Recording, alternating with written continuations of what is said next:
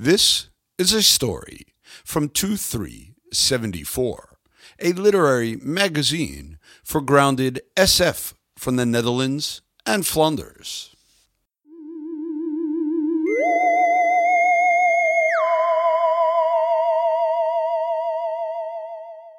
Experiments in Witchcraft, a story by Bertram Koeleman, translated by Anne Chadwick Wendrick.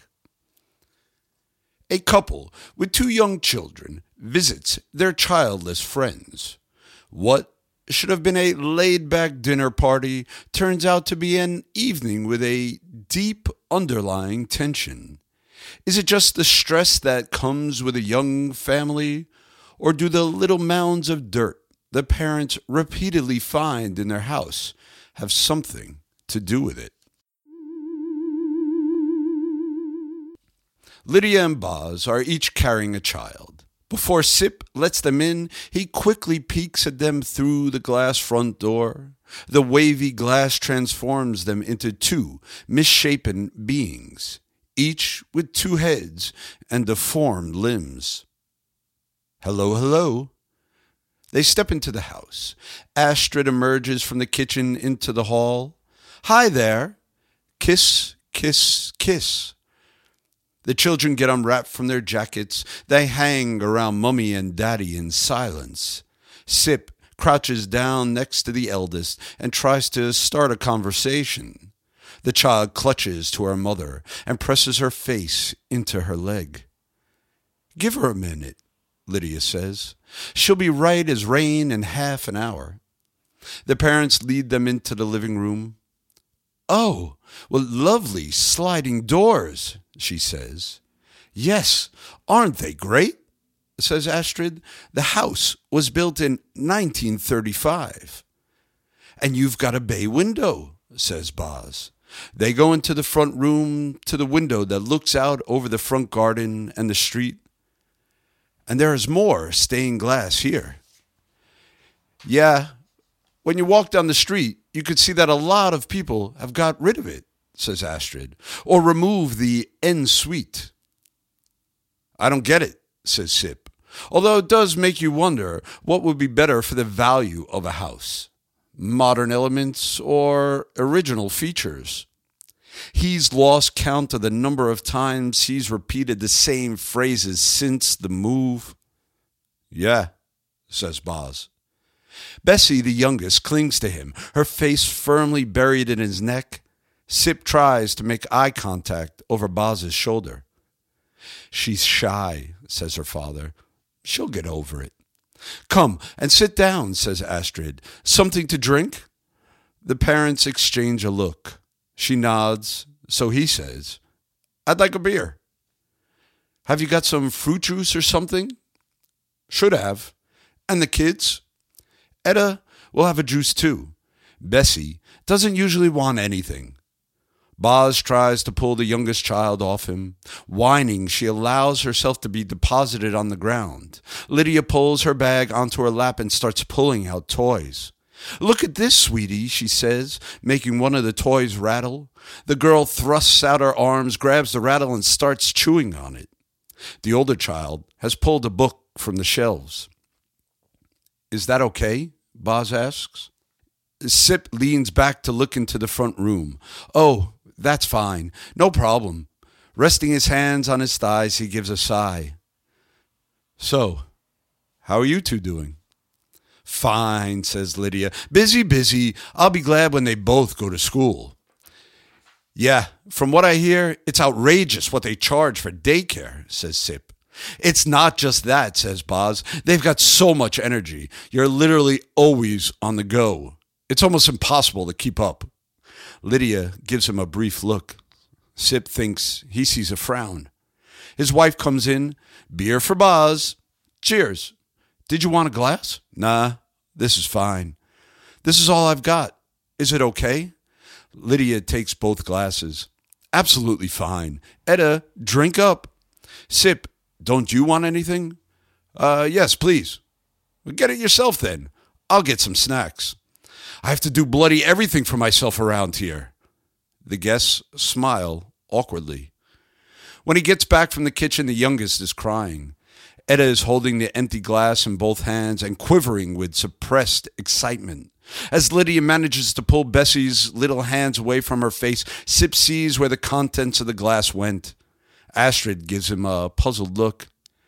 Shall I get a cloth? he says. But Lydia has already pulled the bag back onto her lap and is extracting a package of wet wipes.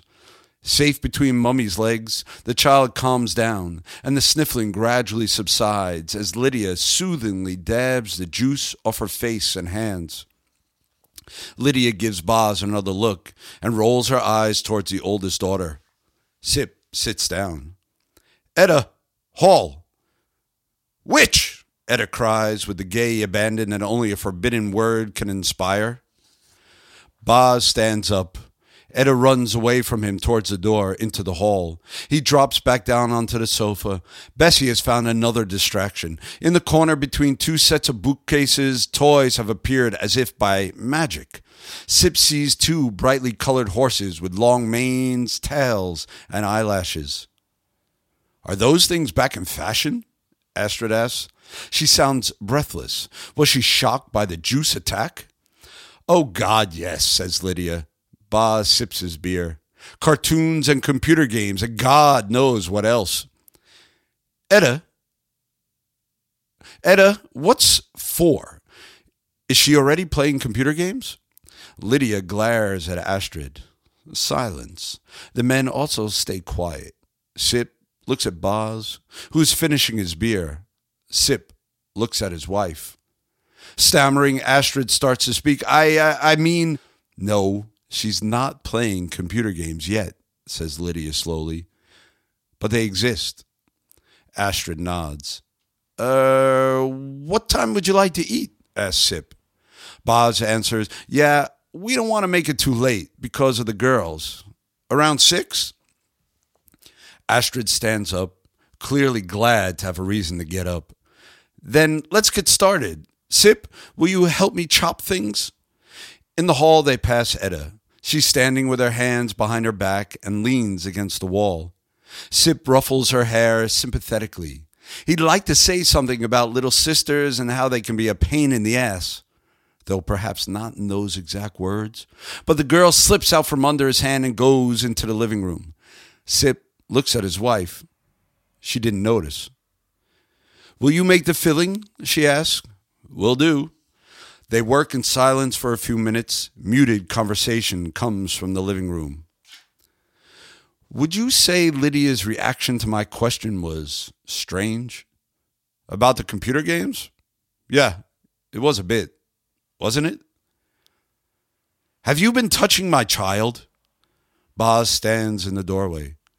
Sip can feel his face going red. What? Etta says you touched her just now in the hall.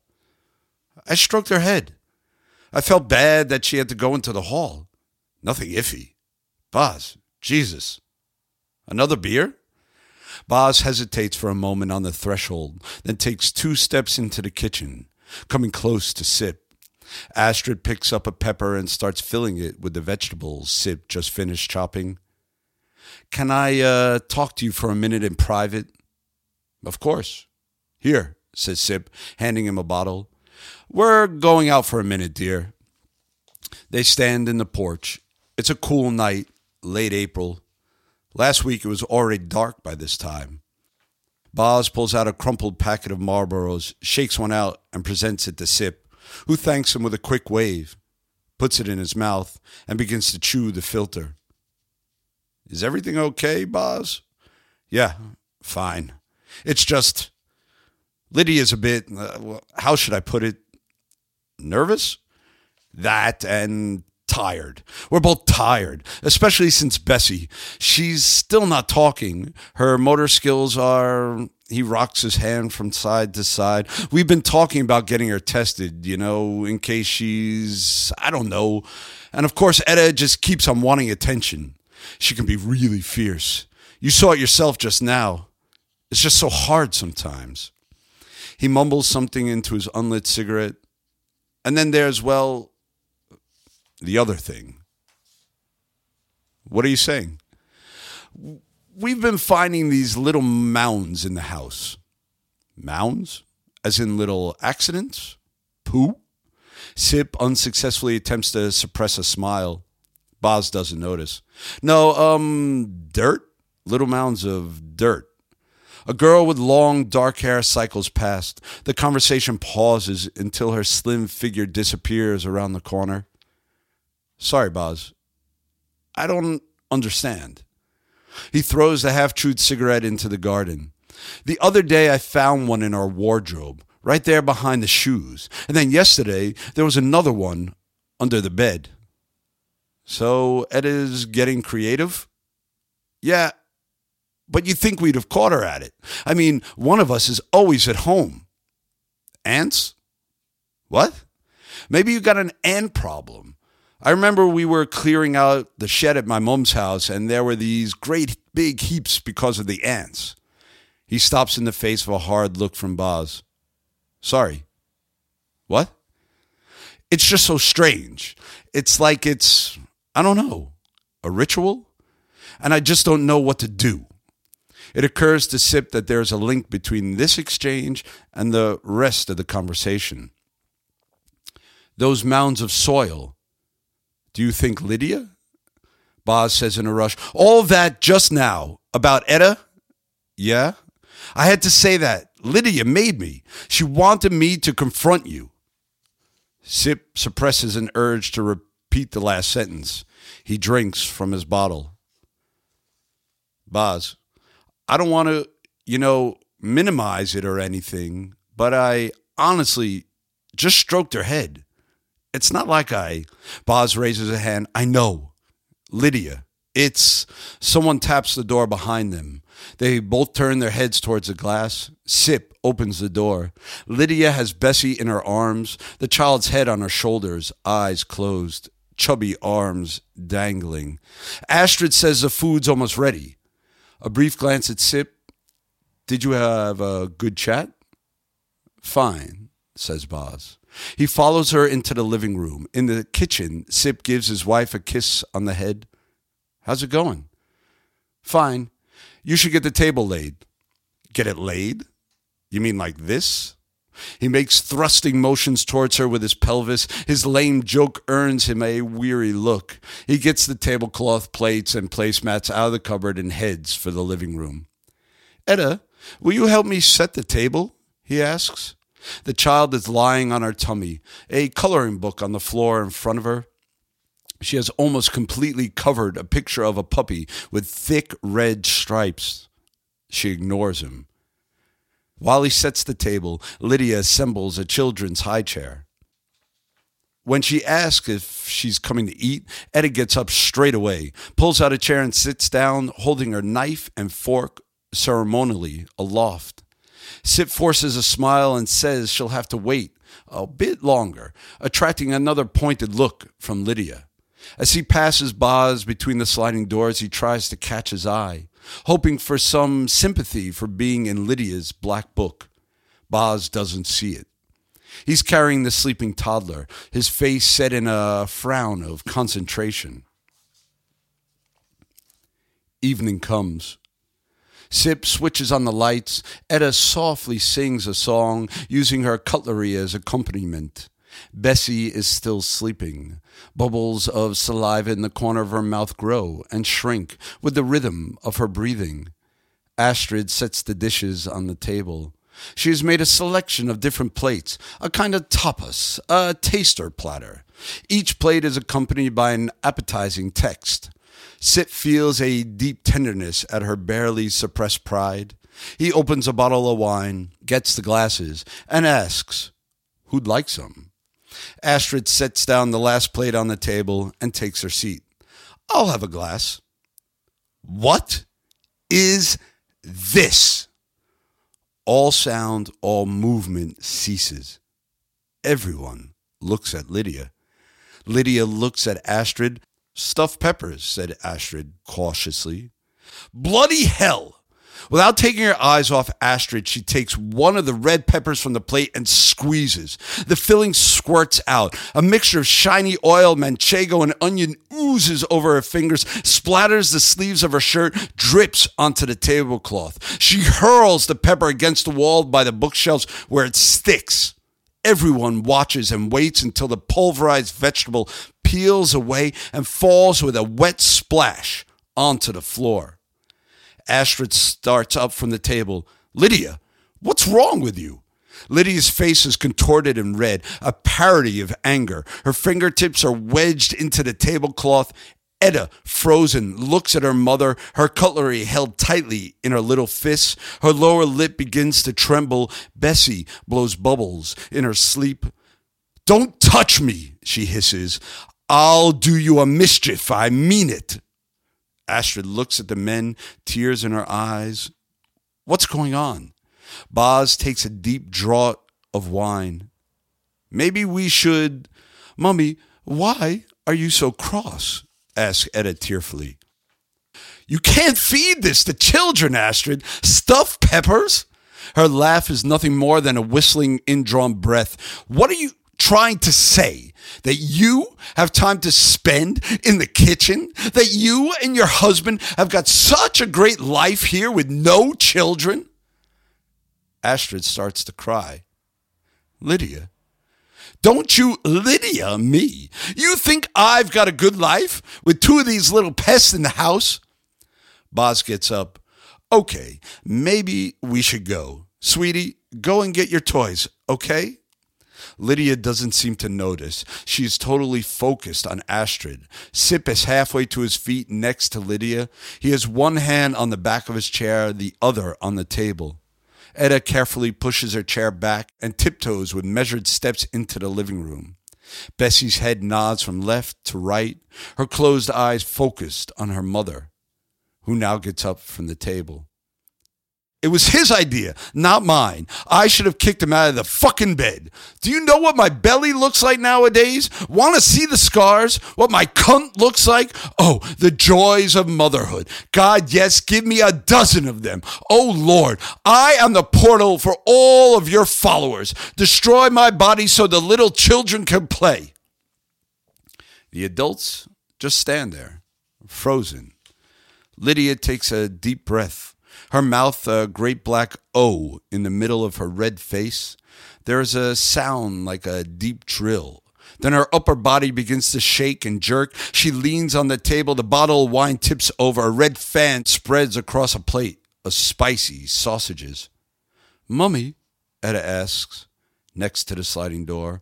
Boz turns around, picks her up, and takes her into the hall. They hear the little girl ask if Mummy is angry with her. Sip has taken two steps backwards. Astrid wants to go to Lydia around the table, but Sip raises a hand. She's going to choke, Astrid cries. Huh? says Lydia. Her body suddenly seems to relax. Her hand releases their grip on the tablecloth. Lydia takes one unsteady step, then another. Then she sinks, more by luck than by design, onto her chair. Astrid comes over to her and lays a hand on her forehead. Get some water, she says, using a napkin to wipe the sweat from Lydia's forehead. The red streaks on her face and neck are already fading.